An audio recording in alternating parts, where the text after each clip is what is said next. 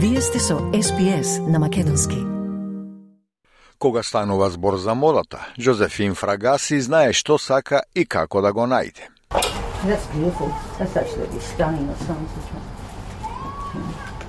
Но кога господја Фрагаси побара основен финансиски совет во минатото, таа беше разочарана и обесхрабрена. Собственичката на продавница за облека и самохрана мајка вели дека процесот бил огромен и што не ги задоволувал незините потреби, велејќи дека резултатот секогаш бил ист, празна вреќа со ветувања i nikogaš ne si na sigurno da li i komu da mu. The results always been the same, an empty bag of promises and never knowing quite sure who to trust, if to trust, if not to trust. So it never really served me well and it was a lot of time and effort which a lot of people don't have. Ваквите прашања се обидуваа да ги решат ни за реформи. Меѓу најважните беше промената од 2017 година, кога тогашната влада над господин Трнбол воведе етички кодекс, испит и услов финансиските советници да имаат соодветна диплома лабористите размислуваат за повеќе промени по победата на последните избори. Благајникот Джим Чалмерс изјави за групата Конексус минатата недела дека владата го смета секторот за силни финансиски совети како фундаментален. Господин Чалмерс, меѓу другото, вели дека капацитетот на секторот да го исполни оваа барање ќе зависи од постојана линија на висококвалитетни финансиски советници а бидејќи австралијците се пензионираат со повеќе приходи од кога било досега, од витално значење е тие да имаат пристап до квалитетни и достапни совети. The sector's capacity to deliver on this demand is going to depend on a steady pipeline of high quality financial advisors, and we're responding to that need. As Australians we retire with more income than ever before, it is vital that they have access to quality and affordable advice especially when an ageing population means more members are moving towards retirement 3.6 million in the next 10 years.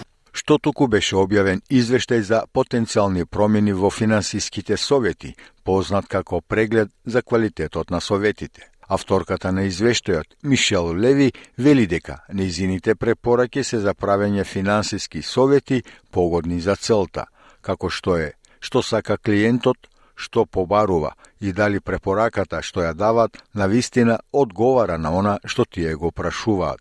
Дали е погодна за таа личност, за таа индивидуа во сите нивни околности. What does the customer want? What have they asked for? And is the recommendation that I am making really fit for what they're asking? Is it suitable for that person, for that individual in all of their circumstances?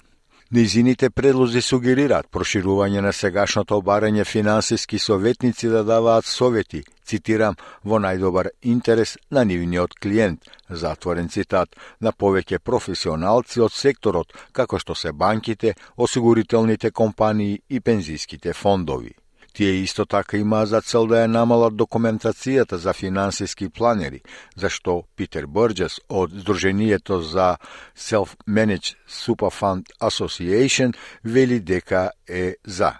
Според него, во моментов имаме ситуации кога клиентите одат да видат финансиски советник, а советникот треба да изготви на вистина детална изјава со совети.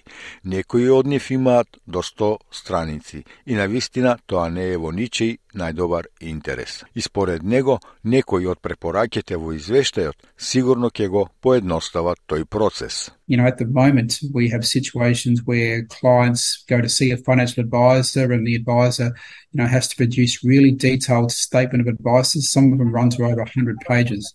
Uh, and really, it's not in anyone's best interest. So, some of the recommendations in this report will, uh, you know, certainly simplify that process. Министерот за финансиски услуги Стивен Джонс моментално ги разгледува препораките од прегледот за квалитет на советите.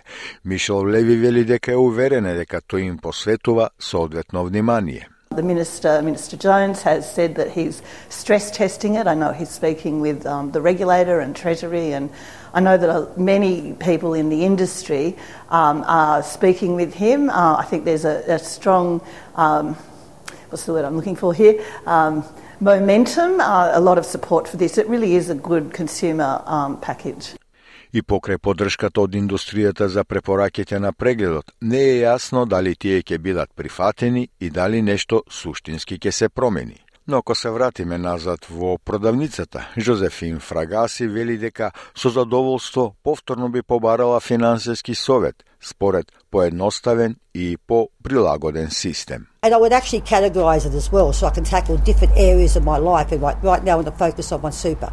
Right now I want to focus on my business finances. Right now I want to focus on my retirement. So it'd be great to be able to go to one source, which is a reliable source, which is backed by the government, so it's independent, and actually focus on one particular thing.